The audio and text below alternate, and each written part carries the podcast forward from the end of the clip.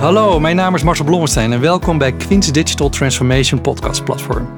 In een serie van podcasts bespreek ik samen met experts de samenwerking en contractering met leveranciers passend bij de Agile Way of Working. Deze podcast geeft inzicht in de samenwerking en contractering op basis van outcome-based.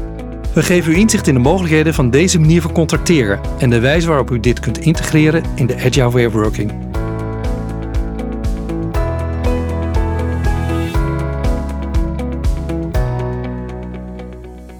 Goedemorgen, welkom bij de webinarserie over het contracteren en samenwerken met leveranciers bij de Agile Way of Working. We zitten nu bij webinar 4, waarin we de webinar, deze webinar gaat specifiek in over outcome-based contracting. Uh, en we zullen nader ingaan straks uitleggen wat dat allemaal betekent. Mijn naam is Marcel Blommestein, ik ben partner bij Quint, werkzaam bij de sourcing practice. En hier aan tafel heb ik twee collega's, Partana en Hans. Partana, misschien even kort voorstellen. Ja, is Partana Ramdas en ik ben sourcing consultant bij Quint. Dankjewel. Ja, mijn naam is Hans Sporenburg. Ik uh, ben consultant bij de, de, HPT Practice, High Performance Transformations. Wat betreft uh, lean, agile, DevOps, transformaties van teams, organisaties, waardestromen. Nou, volgens mij hebben we een fantastisch team aan tafel hier om uh, over outcome-based te kunnen praten. Pratend over outcome-based. Er zijn in de markt, krijgen we, ja, zien we eigenlijk heel veel verschillende definities hiervan terug. En wij hebben in deze webinarserie hanteren we eigenlijk ja, ook een eigen definitie om het gewoon helder te krijgen met uh, de mensen die ook kijken. Uh, en ik denk dat het goed is als we nog eventjes herhalen van de, ja, wat wij zo gezegd aan sourcing archetypes of contractvormen zo gezegd tegenkomen in de markt. Uh, misschien Partana mag ik jou vragen om hier wat nader toelichting op te doen. Ja, zeker. Nou, we hebben vijf verschillende type archetypes die wij herkennen. De eerste is internal staff. Om nu niet te veel in de herhaling te vallen, ga ik uh, ze even langs en uh, even benoemen waar ze in de praktijk effectief toe te oh ja, passen zijn. Um, zodat we niet alle stof van de afgelopen webinars nog een keer herhalen. Ja, dat is goed. Ja. Uh, we beginnen bij internal staff. Um, en dat is een, een, de archetype waarin je gewoon mensen op je payroll hebt zitten. Um, wij zien wel dat dit, deze aanpak het meest effectief is als je een, een, product of dienst wil opleveren wat heel dicht bij de business zit. Maar ja. um, je beperkt je hierin ook wel als je niet gebruik maakt van de markt. Ja. Dus het is juist ook heel geschikt om uh, aan te vullen met andere archetypes. Ja. Daarnaast heb je time and material. Time and material is een hele simpele afrekenmethode. Het is op basis van een aantal uren. Dus je krijgt gewoon een factuur van een aantal uren die een leverancier heeft besteed. Dit is heel effectief in een team waarin je gebruik maakt van experimentele of innovatieve technologie. Dus een team uh, die iets aan het bouwen is waarvan je niet zeker weet wat het eindproduct gaat zijn. En ook waar je de onzekerheid hebt van een nieuwe technologie, experimentele technologie. Uh, dan heb je time and material supplemented. Time and material supplemented is ook afrekenen op basis van een aantal uren, maar aangevuld met KPI's die de kwaliteit van het oplevering waarborgen. Uh, dit is heel effectief in een stabiele team, waarin je de eindproduct goed kan definiëren. Uh, ja, denk aan bijvoorbeeld het doorontwikkelen van een webshop. Helder, ja. Het volgende archetype, output-based. Uh, nou, dat hebben we. Uh, dit is een. een uh, vorige webinar gedaan? De vorige webinar, ja, dat klopt. dit is een model wat heel effectief is voor een team wat wat langer bestaat. Een volwassen team, maar ook in een omgeving waarin zowel de klant als de leverancier volwassen zijn in het agile way of working. Een team waarin je het eindproduct heel helder kan definiëren. Een wat standaard dienstverlening, waarin je ook weinig legacy of technical debt uh, hebt. Ja. Op het moment dat je veel technical debt hebt of legacy hebt, dan heb je, kom je in de problemen als het gaat over het definiëren van output. Ja, dan de laatste outcome-based. Dat is ja. uh, waar we het vandaag over gaan hebben. Inderdaad. Uh, dit is ook echt een model wat veel, wat veel van onze klanten heel interessant ja. vinden. Uh, dit is een model wat heel goed past in een groeimodel. Dus waarin je een klant hebt wat een product gaat leveren waarin grote groei zit. Dat is een model wat voor interessant is voor de leverancier. Want de leverancier gaat ook pas winst maken op het moment dat ze in een groeimodel zitten. Ja. dit is effectief waar een leverancier grote verantwoordelijkheid heeft in een volledige value stream. Dus het van een product of dienst wat effect heeft op het business outcome van een bedrijf. Oké. We gaan er deze deep dive nog verder op in. Dus ik denk dat we over die succesfactoren, daar gaan we het ook over hebben. En wat de randvoorwaarden zijn om uiteindelijk hier succesvol in te zijn. Maar dankjewel voor, dit, uh, ja, voor deze heldere uitleg. Ja, zoals Partana zei, wij gaan nu verder in op outcome-based. In de markt ook veel genoemd. Ik moet eerlijk zeggen, qua onze definitie volgens mij ook veel verwarring over wat nou precies output of outcome is. Volgens mij heeft de markt veel meer over output dan over outcome. Maar daar gaan we het straks nog even over hebben. Misschien, Hans, aan jou. We hebben ook, zo gezegd, het Agile Manifesto. Hoe kan Output-Based een bijdrage leveren aan de principes van het Agile Manifesto? En misschien kan je ook een beetje aandacht geven... waar, waar verschilt het dan ten opzichte van output en time material, time material supplemented? Ja, oké. Ja, en zo'n manifesto, dat is natuurlijk ook uh, een beetje de samenvatting van wat zijn de, de, de, elementen die, die maken dat je met elkaar meer waarde kan leveren uh, op een voorspelbare manier in een veranderende omgeving. Hè. Dus dan gaat het over, we hebben die individuen in interacties. Hè. We hebben daarnaast ook de focus op de werkende software en dan in dit geval ook gewoon de waarde, de werkende waarde waar we op focussen. Uh, twee, de derde is dan dat de klantsamenwerking centraal staat ten opzichte van die contractonderhandelingen. Dan zie je ook dat een outcome daar wel heel erg sterk is. Want omdat je dus partnert, ja, dat begrijp ik. Hè, dan staan heel veel dingen staan open, maar we hebben een gemeenschappelijke focus. We, we delen de risico's en we delen ook de winsten. Hè, eh, want we hebben een gemeenschappelijke business KPI waar we met elkaar op sturen. Ja. Maakt dat je dus daar ook vertrouwt, of moet gaan vertrouwen op dat je elkaar gaat aanvullen als dat helpt. Ja. Hè, en omdat je deze constructie kiest, die eigenlijk heel flexibel is, ben je ook heel goed in staat om met elkaar, zeker als je dus onderscheidende competenties hebt, die elkaar eh, complementair zijn, goed in kan spelen op veranderingen in de markt. Ja, en door eigenlijk dus om met elkaar een gezamenlijke business KPI te maken, zie je eigenlijk dat uh, eigenlijk je dus bijvoorbeeld ja, responding to change over following plan, eigenlijk dat het ja, gewoon automatisch volgt, omdat je gewoon eigenlijk met elkaar dat zit met elkaar ingebakken. Ingebakken. Ja. Je, je, je, je, zoekt die complementariteit omdat je ziet dat je met elkaar een grotere taart kan bakken. En dat, is eigenlijk ook zeg maar, in de kern. En als je dan dat vergelijkt met output-based, ja. Hè, dan zie je dus daar waar uh, output is dat je als leverancier in staat moet zijn om de vraag, hè, dus de, de, de backlog, de, de kilo software voorspelbaar op te leveren met de kwaliteit en de tijdigheid en uh, met de tevredenheid die, waar we de vorige keer uitgebreid over gesproken hebben gaat dan niet per se het over de, de, de kilo software, maar uiteindelijk de, het gewenste effect. het gaat niet over de businesswaarde. Het gaat over de businesswaarde waar, je op wil gaan sturen. En waarbij bij output echt over gemaakte software gaat. Ja, en nou ja, Richard heeft vorige keer al aangegeven dat, dat er ligt vaak wel een relatie, of gemiddeld genomen ligt er een relatie tussen output naar outcome. Ja. Maar Agile is wel het, ook het, het, het, het denken die dat ook wel wil challengen. Kun je namelijk door minder dingen output te leveren, meer waarde leveren, dan moet je dat doen. Hè? En daar, dat, dat is een onderscheid waar, wat, wat dit outcome-based heel erg faciliteert. En misschien dan, want ik had ook time material supplementen. Dat is ook een model waarin we bonusmalus hanteren. Uh, ja. Misschien daar ook, wat, wat is nou het verschil tussen die bonusmalus bij time material supplementen versus de bonusmalus bij outcome-based? Wie? Ja, ja, het grote verschil zit hem in het feit dat je als je een uh, eh, KPI hebt, uh, als je afrekent op basis van time and material, dan uh, maak je een afspraak dat je de uren betaalt die de leverancier heb, heeft gemaakt.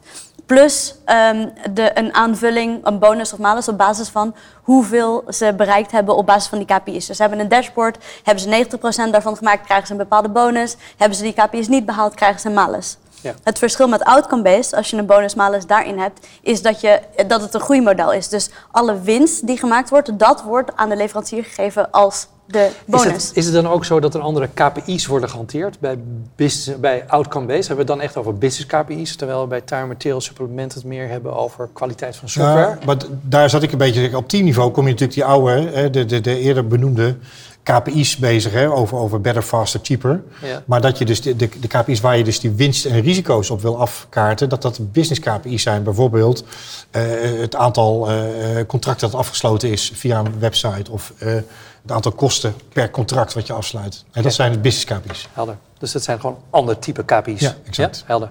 Goed, dat brengt mij even bij het volgende punt. Want ik, Partijna, jij zei aan het begin al aan, even over toen de verschillende archetypes voorbij kwamen dat, dat ja, wat dat betreft outcome-based natuurlijk niet zomaar overal toegepast kan worden. Dus er zijn nogal wat ja, factoren die, dit, die ingevuld moeten worden alvorens ze hier een succes van kunnen maken.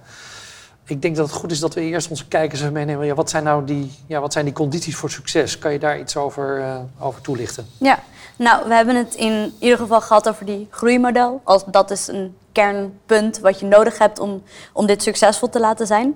Want die groeimodel, dat gaat bepalen wat de bonus is.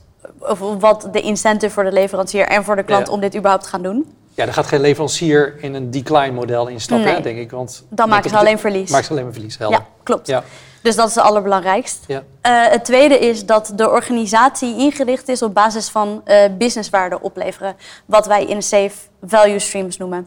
Dus dit past heel goed bij een model wat ingedeeld is in value streams. Oké. Het derde is dat de leverancier en de klant ook elkaar in hun waarde laten. Dus de leverancier is verantwoordelijk voor Ja. de oplevering van de IT-dienstverlening. Terwijl de klant juist focust op de business. Dus Ja. ehm, dat is juist focus op waar je goed in bent, zeg maar. Ja. Maar die versterken elkaar wel. Hè? Zeker, ja, Ja. juist wel. Want eh, je hebt de leverancier ook nodig. En dat is heel belangrijk in dit model. De leverancier, de oplossing van de leverancier, moet juist bijdragen aan het resultaat. Dus denk aan bijvoorbeeld een hele specifieke product of applicatie, waardoor je het business outcome niet Ja. kan behalen. Die applicatie is centraal. belangrijk, Die ja. synergie is heel belangrijk. Eh, het vierde is dat de gedeelde risico's zo ingericht zijn dat ze ook de commitment van beide partijen eh, versterken, juist. Dat het vertrouwen opbouwt, omdat je ook eh, delen in zowel het leed als het geluk. Ja. Ehm, en het vierde is dat de leverancier eh, juist ook veel kennis heeft van de markt. Dus het is belangrijk dat de leverancier ook eh, bewezen ervaring heeft als het gaat over pensioenen, als het gaat over BPO, als het gaat over financiën, als het gaat over zorg bijvoorbeeld. Ja. Dat is heel belangrijk. Ja. Wat we heel vaak in de andere webinars benoemd hebben als het gaat over KPI's, transparantie en duidelijkheid is heel belangrijk. Het is effectief als de KPI's die gebruikt worden, dat die ook gebruikt worden in de klantorganisatie eh, en dat die al bekend zijn. Dat zijn met name de business KPI's. Hè? Dat zijn de business KPI's, ja. Dus de Ja. KPI's moeten herkenbaar zijn voor de Ja. klant. En Want dan is er ook geen discussie meer binnen de klant over de definitie. En eigenlijk eh, leverancier en klant sturen eigenlijk op dezelfde output, hè? outcome. Ja, Sorry. kijk, als het het weerbericht is, dan kunnen we doen wat we willen. Maar dat, ma- dat maakt het bericht niet anders. Dus die KPI Ja. moet gerelateerd zijn aan de efforts van zowel de business als Ja. dan de, de, de, de, de partner. ja, klopt. Ja. Ja, en als allerlaatst, maar eh, niet allerminst, ehm, is het heel belangrijk dat de leverancier ook betrokken is in de rituals van de klant. Dus de leverancier mo- moet ook deel uitmaken van de Oh ja. operatie. Dus Ja. eh, in, er moet een cadans erin zitten, er moet een bepaalde ritme in zitten, zodat de leverancier ook betrokken is bij de businessbeslissingen die de, leverant- die de klant maakt. Nou, En de, de korte cycliciteit van, van, van besluitvorming en bij kunnen sturen. Hè? Want dat is, eh, ik wil daar straks nog even bij Ja, stilstaan. heel wat, wat, wat nou precies welke rituelen dat dan zijn en hoe we daar, ja, wat onze best practice daarin zijn. Dat de, zijn de condities voor succes. Eh, wat zijn er ook nog specifieke karakteristieken waar je zegt van oké, eh, die nodig zijn? Eh, contract voor een pricing model. Ja, eentje Ja. is heel belangrijk. Daar gaan we straks ook uitgebreider bij stilstaan. Maar ik wil hem wel hier even benoemen. ja. Dit is het pricing-model waar, eh, waarin de bonus-malus benoemd wordt. Daar hebben we ook kort bij stilgestaan tot nu toe. Als je een time and material supplemented model hebt waarin je de teams afrekent, dan is dat prima. Maar in een outcome-based model, dat is echt wat het verschil is in een outcome-based model, is dat de leverancier pas de winst gaat maken als het gaat over de business KPI's. Dus dat is in dit geval het cost-plus model. Ja. Het leverancier levert de mensen en de technologie aan op basis van eh, time and material supplemented. En daarboven hangt dus die business KPI's en de bonus-malus is afhankelijk daarvan. je hebt gedeeld ondernemerschap. Ja. Ja. Dat is de essentie. De time material, de afrekening per uur vindt op basis van het tarief plaats, een kost-plus tarief. Eh, en de marge wordt gemaakt op basis van het samen behalen van de business KPI. Ja. Eh, Dat is de, de combinatie. Ja, wat, wat wel spannend is eigenlijk, van, eigenlijk komen we dit model nog relatief weinig tegen in de markt. Dat klopt. Ja. Ja, Wat, wat, wat houdt ons daar, wat, wat houdt ons tegen? ja. Wat houdt de klant tegen? Wat houdt de klant tegen? Ja, ja, ja. Nou- Want eh, uiteindelijk, ja, het is met een gezamenlijk wel eh, gezamenlijke focus op een bepaalde business KPI. Ja, ik wilde bijna zeggen, het, het lijkt een eh, ideaalbeeld. Hè? En, ja. Ja, het kwam inderdaad kort nog even langs op die slide waar Hans even bij stil stond. Ja, een van de factoren is dat deze model heel veel vertrouwen kost. Ja. Je kan het niet redden op alleen een contract. Je kan alle afspraken in een contract vastleggen. Daarmee gaat dit niet lukken. Je moet ook vertrouwen hebben in elkaar. Ja. Die gedeelde ondernemerschap. Je moet ook echt het lief en leed delen met elkaar. Ja. En dat is een van de uitdagingen. Het andere uitdaging is dat klanten eigenlijk niet bereid zijn om winst die zij in hun business outcome, outcomes behalen ja. te delen. Dus ehm, het is heel moeilijk om een klant te hebben, te vinden, die dan zegt op een bepaald moment van, nou weet je, jij bent onderdeel van mijn organisatie in zoverre dat als ik eh, een marge behaal, dat ik die marge met jou ga delen. Ja. En ja, als laatste in deze tijd dat wij steeds kortere contracten gaan zien, waar je, als je een cloud-contract afsluit of zoiets, dan is dat echt op basis van een minuut afre- eh, afsluitbaar, Ja. Bij, Ja. eh, bij wijze van spreken. Ehm, kost dit ook echt een langetermijn eh samenwerking. Je gaat hier, het, het meest effectieve is als je hier een jaren samenwerking in hebt. Dus eh, dat je elkaar ook echt heel goed leert kennen. Dat je begrijpt hoe, elkaar, hoe, hoe, Ja. je, hoe je functioneert, hoe de organisatie. Ja, Ja. precies. Maar wat je nu aangeeft, hè, dat het, het vraagt vertrouwen eh, en het vraagt op een gegeven moment ook moed om, om, om de, de, of de bereidheid om, om die winst te willen delen. Maar het vraagt ook bereidheid om eh, je leverancier eh het risico te laten managen. Hè, want dat is, dat is ook vaak een discussie wat je met klantorganisaties ziet. Dat ze zeggen van, ik draag al eigenlijk zelf het risico en dan pak ik ook de winst. Ja. Hè? En dat is, eh, als je ziet Ja. van, ik kan het wel zeggen dat jij het risico gaat dragen, maar uiteindelijk komt het toch bij mij terecht. Ja, als ik dat niet heel zeker weet, dan Ja. twijfel ik ook een beetje over die winst. Dus dat is het spel van het bouwen van vertrouwen en gedeeld ondernemerschap. Helder. Ja, dat maakt het ook wel uitdagend natuurlijk, dit model. Ja. Goed, Eh dankjewel voor in ieder geval... Dit zijn in ieder geval de actoren die spelen ten aanzien van het succes en de karakteristieken. Eh, doorgaand, eh, als we toch even op die karakteristieken en hoe ga je dit nou implementeren... dan kom ik toch weer even terug op een model van die four CTQ's die we met elkaar gedeeld hebben. Want uiteindelijk moeten we die kwaliteit wel borgen... maar uiteindelijk willen we ook ja, daaraan toevoegen business KPI's. Eh, Hans, kan je daar nog kan je daar iets over vertellen? Ja. We hebben gezegd van oké, we hebben eh, better, faster, cheaper. Ja. Hè, dus dat, dat, zijn, dat zijn de basiselementen. Ik weet niet of we daar nog heel uitgebreid op stil moeten staan. Maar die blijven in de essentie de basis vormen van de levering van de dienst. Hè. Dus we, we, we maken onze systemen. En we willen dus ook wel blijven monitoren dat deze eh, KPI's eh, op, op, de- op high level, de CTQ, Ja. dat die geborgd worden. Dat we daar transparant over zijn, dat we die monitoren. Eh, dat we daar het gesprek over voeren. Eh, als we daar eh, ergens water bij de wijn doen, waarom is dat zo? Dat is niet Ja. meer alleen een leveranciersdingetje. Nee, dat is gedeeld belang. Hè? maar wat hier aan toegevoegd is, dat is wel interessant, dat is de business KPI's. hè, of de Key Goal Indicators noemen ze ook wel de KGI's. Maar business KPI's is denk ik een heel duidelijk woord hiervoor. Ja. En dat is dus maar de vijfde categorie. Die zijn, die zijn anders. Die gaan niet over better, faster, cheaper van de output. Nee, deze business KPI gaat over de outcome die we willen maximaliseren. Dus dat is eigenlijk een, een nieuwe set van KPI's. Oh, ik weet geen eens hoeveel, volgens mij moet er geen eens zoveel zijn. Maar Hoeft er maar eentje te zijn. moet er maar eentje te zijn, toch? Ja. ja. ja. Meer contracten. Eh, of Eh, meer contracten of het, eh, de kosten per, per, per contract van, de- van, de- van, de- van, de- bij een, klantcontract moet eh, gehalveerd worden. Ja, Er zijn organisaties die zeggen, nou, we hebben wisselingen in onze klantenbase. We willen heel graag die kosten reduceren. En we krijgen het niet alleen voor elkaar. Onze partner is in staat om die IT zo te organiseren dat dat Ja. voor elkaar komt. Dat is de KPI waar we ons hele, nou, de- deze hele outcome-based contractering Ja. op baseren. waarbij we waarschijnlijk ook nog een verschil zien dan de, dat de business KPI's waarschijnlijk meer op strategisch niveau worden ge- gedefinieerd. En als je kijkt over better quality, happier, faster en cheaper, dat zie je meer terug op teamniveau. Of heb ik dat? Ja, ik vind het een beetje te plat. Maar, Ja. eh, want uiteindelijk is natuurlijk klantwaarde, dat zie je ook op een value stream, monitor je dat heel nadrukkelijk. NPS-scores of dat soort zaken, die, die, dat is eigenlijk ook klantwaarde. Hè? En klanttevredenheid. En, eh, het is een beetje wat we, wat we met, waar we met Richard over hadden. Op, eh, je hebt de, de CTQ, is voor de klant heel zichtbaar. Ja. En dan heb je dus het eerste niveau KPI's. En je hebt het tweede niveau, dat zijn die, die, die, die PI's. Eh, en die zitten heel erg onder, onder de motorkap. Ja. Ja. En deze zit eigenlijk dan nog on top of it. Die is ook heel erg vanuit de strategische besturing van de onderneming zijn die heel zichtbaar. Helder. Volgens mij de boodschap is, de, je, we voegen business KPI's toe, maar dat betekent niet dat we die andere zo gezegd kunnen weggooien. Want het is niet. eigenlijk, deze zijn ook de randvoorwaardelijk. Blijft de basis voor uiteindelijk goede software eh, voor het maken, maar ook voor het beheer. Ja, dus want dat is nog steeds de scope waar we het over hebben, softwareontwikkeling en beheer. Oké, dan kom ik even toe aan de, de, een belangrijk onderdeel wat Partana ook net aangaf, zijn de rituelen. Hè? Dus op een gegeven moment, hoe krijg je nou die samenwerking, eh, hoe vorm je die nu om uiteindelijk, ja, zo gezegd, dit model tot een succes te maken? Ja.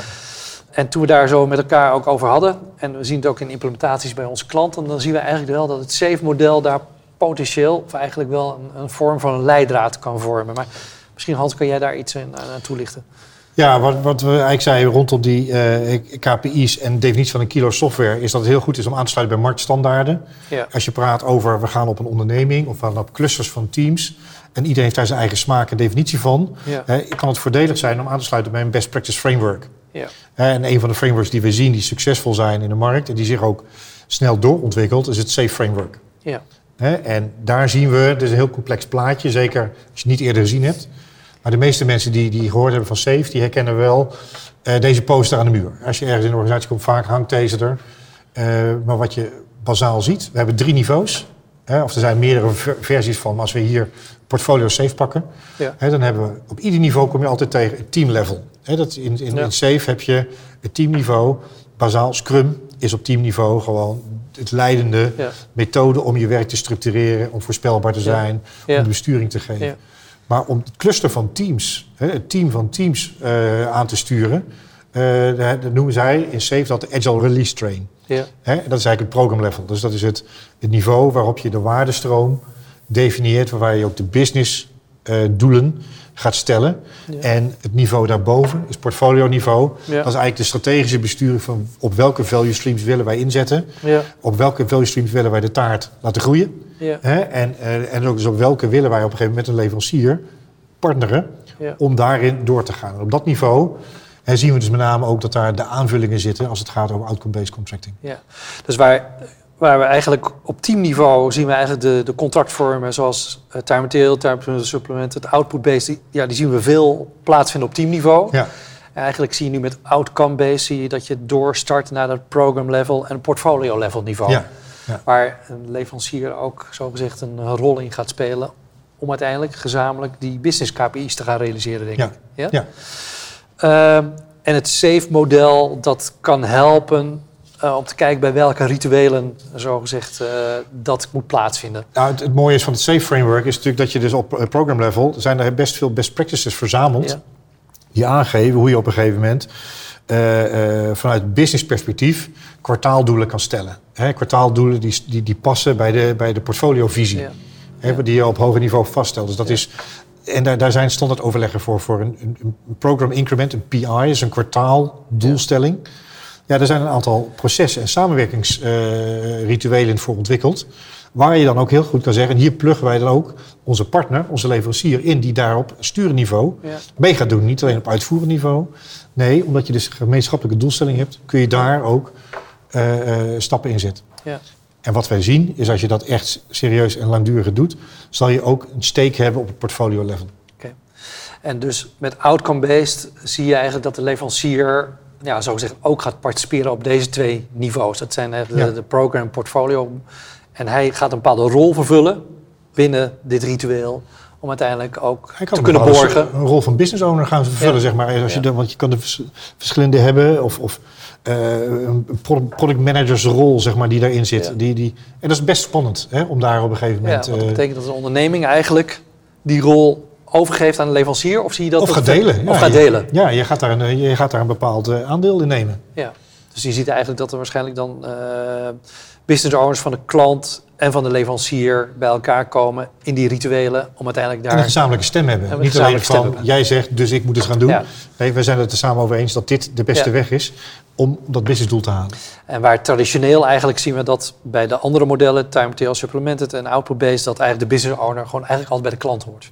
Ja, en die, die is verantwoordelijk voor het prioriteren van de backlog. Voor de. Maar hier kunnen we gezamenlijk mee die richting mee vormgeven. Ja. En dat is het spannende. Ja, ja het lijkt me enorm spannend eh, voor een onderneming om dat eh, te sharen, zo gezegd. Eh, Maar wel mooi dat Safe, het Safe ritueel, zo gezegd, daar ja, voor ja. Handvaten geeft, eigenlijk. Ja, ja nee, en het is op value stream niveau kan je ook, zou je nog een, wat dat, zie ik soms ook, soms ook tegen, is dat een, een leverancier een aparte eigen re- release train heeft, die op een gegeven moment bepaalde momenten input levert. Maar dat is een beetje, hoe krijg je iemand van buiten die met een, met een voorgedefinieerd product je in, in kan leveren. Maar wat wij zien bij outcome-based is dat je eigenlijk ze veel dieper je eigen organisatie en besturing intrekt. Zit hier dan ook, want ik kom even tegen van het value stream niveau. Hè. We- Partij hebben al net eh, al een keer genoemd. Het aantal leveranciers wat je per value stream kan hebben in dit geval. Je, je wil er gewoon eentje wel aan de, aan, de, aan de top hebben zitten die gewoon in charge is. Ja. Hè, over van, oké, ik, ik ben samen de, de, de business partner. Als je er twee of drie hebt, voordat je het weet gaan we een beetje naar elkaar zitten wijzen over... Ja. Nou, ik heb een afhankelijkheid en eh, ik heb het wel goed gedaan, maar jij niet. Ja, dus dit, dit komt even terug op jouw eh, succes, eh, een van de succesfactoren. Hè? Dus dat je eigenlijk value stream niveau moet zeggen van, oké, eigenlijk wil je dat tot succes maken, moet je eigenlijk één leverancier voor, verantwoordelijk maken voor het value stream. Meerdere leveranciers gaat moeilijk Ja, worden. Ja. Dat het werkt dan niet in, in samenwerking. Oké, eh, helder. Het kan wel als er één leverancier is aangewezen als zeg maar, de hoofd. Ja, precies. Helder. Goed, eigenlijk als je dat ook dat vertaalt naar de, naar de, de, de, de pricing mechanismen, dat, dat zit ik eigenlijk op dezelfde manier. Ook daar zie je dan de verschillende pricing mechanismen zie je op verschillende niveaus terugkomen. Kan jij daar iets over vertellen? Ja, mijn verhaal sluit eigenlijk heel goed aan bij wat Hans net vertelde. Je hebt dus die twee niveaus wat je ziet. Ja. Stel je voor dat het niet zo was. Ehm, ja, op eh, portfolio boardniveau eh, heb je dus die overleggen. Die gaan over de businessbesluiten. Nou, dat is ook echt het gremium waarin je ook die business KPI's vaststelt. Ja. Want dat is, dat is waar je ook de bonus en malus van het organisatie kan vaststellen. Dat is waar ook de groei van het organisatie in zit. Ja. Ehm, ja, en op de, eh, de teamniveau, op de artniveau en de teamniveau niveau, heb je een prijsmodel wat gewoon TNM supplemented is. En daarin eh, kijk je vooral naar de kwaliteit van het software wat opgeleverd wordt. Ja. Dus die KPI's die je daarin hebt zitten, dat gaat echt over het opleveren van het functionaliteit of van de dienstverlening eh, Ja. die ondersteunend is aan die business outcomes. Hebben we het over gehad hè? in onze webinar. eh, volgens mij was het de webinar 2, Time Material, Time Material Supplemented. Eh, die balans tussen die four CTQ's, eh zo gezegd, om daar de juiste kwaliteit eh, uit te krijgen. Eh, nog steeds van belang. Dit is volgens mij, eh, wat mij betreft, duidelijk. Dus die, eh, die verschillende niveaus. Dat rest mij even dan misschien nog even stil te staan. Oké, eh, ten aanzien van de implementatie, we hebben het er al een beetje over gehad. Eh, met name over de tijdsframe en ja, hoe lang dit. Ja, je hebt weer vertrouwen nodig. Je moet vertrouwen opbouwen. En dat gaat niet over één nacht ijs. Ja, misschien Hans, kun je daar iets over vertellen? Van, Ja, wat we zagen bij output-based eh, contractering is dat je daar in, in, die preparatiefase al heel goed gaat kijken wat is je teamvolwassenheid, hè? Eh, eh, hoe zit het met de productdefinitie, is de klant er volwassen voor. Dat, dat zie je eigenlijk op dit niveau ook terugkomen. Hè? Alleen hier gaat het niet alleen over het product en het team, hier gaat het eigenlijk over organisatie A en organisatie B. Zijn wij in staat om met elkaar, hè, hebben wij een culturele fit, hebben wij een strategische fit, zijn we echt complementair. Ja. Hè, dus eh, als je potentieel heel erg concurrerend bent, eh, maar op onderdelen complementair, dan is het lastig om dit commitment naar elkaar aan te gaan. Ja. Want het is toch een beetje zoals ik weet hoe dat bij jou werkt, daarna trek ik me weer terug. Hè, dus dat vertrouwen. Hè, en dan zien we ook dat die, dat die, die eerste fase, hè, en misschien is het preparatiefase en contractering, kom je niet verder dan output-based. En dan kan je zeggen, nou, maar dat is, dat is wel een goed proces geweest, maar dan stopt die daar. Ja. Dat is wel wat we, wat we dus zien gebeuren. Dus dat de, de, de culturele fit, eh, wat zijn nou echt de basis eh, business KPI's? Kunnen wij, herkennen wij die? Eh, kunnen wij een model maken waarbij we kunnen zien hoe wij die kunnen beïnvloeden? Hè, vanuit als partner, maar ook vanuit de businessorganisatie. En, en dan vervolgens moet je zeggen, zijn wij zo volwassen dat wij onze agility, hè, dus de, onze teamceremonies en ook op release train, die ceremonies, dat we elkaars rol herkennen en daar ook op toe kunnen laten. Ja.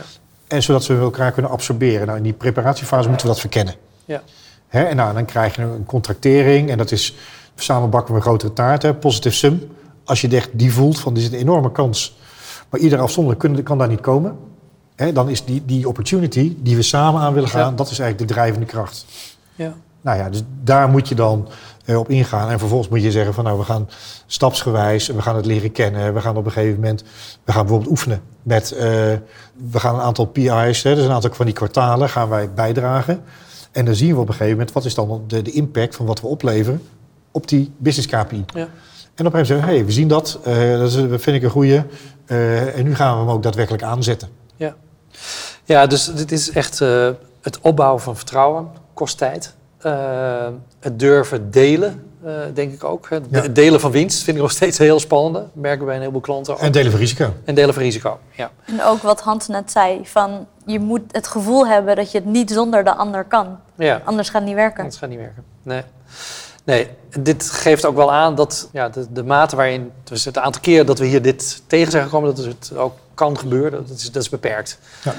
Eh, Soms mondt het uit in een joint venture. Hè? Maar Ja. dat hoeft helemaal niet. Maar dat is, eh, Ja. eh, ja, ja, of gewoon in een, eigenlijk in een time material, time material of output-based eh, Ja. contract vorm. Hè? Dus dat, dat kan ook. Dus zien we ook veel als resultaat van deze preparation fase met name. En als dat beter past, en dan kan je heel succesvol samenwerken. Dus daar is niks op tegen om niet hier uit te komen. Nee, wat dat betreft denk ik dat het alleen maar een stuk ja, intensievere samenwerking en een stuk vertrouwen met zich meebrengt. Goed, dankjewel. dit uh, was onze deep dive ten aanzien van outcome-based. Dus uh, waarin we nader zijn ingegaan over successen, randvoorwaarden, de verschillende pricing models. Uh, het is eigenlijk ook het gebruik maken van een safe framework om uiteindelijk ja, tot de rituelen te komen om die samenwerking vorm te geven. Erg leerzaam, dankjewel hiervoor. Wij hebben nog een laatste webinar in deze reeks. En die gaat, alweer. Ja, gaat al snel. ja. En die gaat in over de implementatie. Uh, en daar zullen we ook nog een stukje herhaling doen, uh, overal samenvatting doen over de verschillende uh, contractvormen. Hebben we u geïnspireerd? Abonneer u dan op deze podcast en luister ook naar de laatste podcast. In deze laatste podcast bespreken we belangrijke thema's, zoals de gehanteerde prijsmodellen en daarbij behorende samenwerking in de Agile Way of Working. Tot bij de laatste podcast.